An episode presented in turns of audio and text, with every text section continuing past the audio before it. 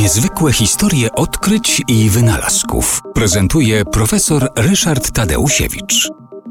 Przez długi czas y, właściwie na przykład funkcjonowanie kompasu, który już y, starożytni Chińczycy y, stosowali, a żeglarze europejscy mniej więcej od XII wieku, było pod względem przyczynowym bardzo tajemnicze. To znaczy uważano na przykład przez długi czas, że te igiełki kompasu ustawia gwiazda polarna, ponieważ no, ona stale znajduje się w tym samym miejscu, wskazuje kierunek północny, no więc w jakiś tajemniczy sposób miała również kierować tymi e, kompasami, zresztą czasem e, bardzo wyrafinowanie budowanymi.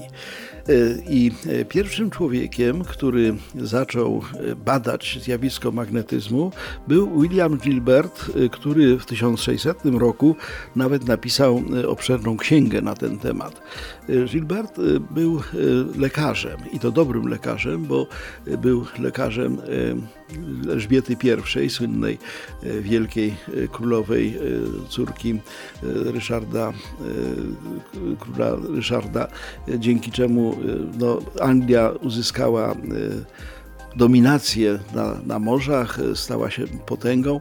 Gilbert był jej osobistym nadwornym lekarzem, a potem był lekarzem jej następcy, Jakuba Stuarta ale jego pasją nie było leczenie, jego pasją były doświadczenia naukowe i za e, przedmiot badań e, przyjął właśnie o substancje, e, które wykazywały zjawisko przyciągania magnetycznego.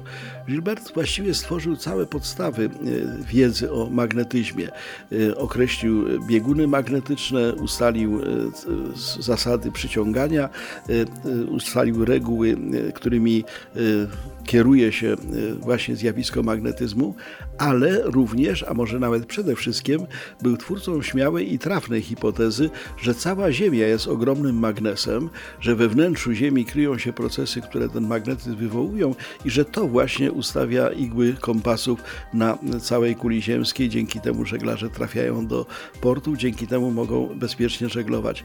Gilbert został uhonorowany w ten sposób, że jedna z jednostek elektrycznych związanych z funkcjonowaniem e, współczesnych e, urządzeń elektrycznych została nazwana jego imieniem e, i jest to na pewno postać mało znana, ale jednak bardzo zasłużona, dlatego że zjawisko magnetyzmu bardzo przez wiele lat zaniedbywane, dzięki niemu przeszło z historii bajek do po prostu nauki.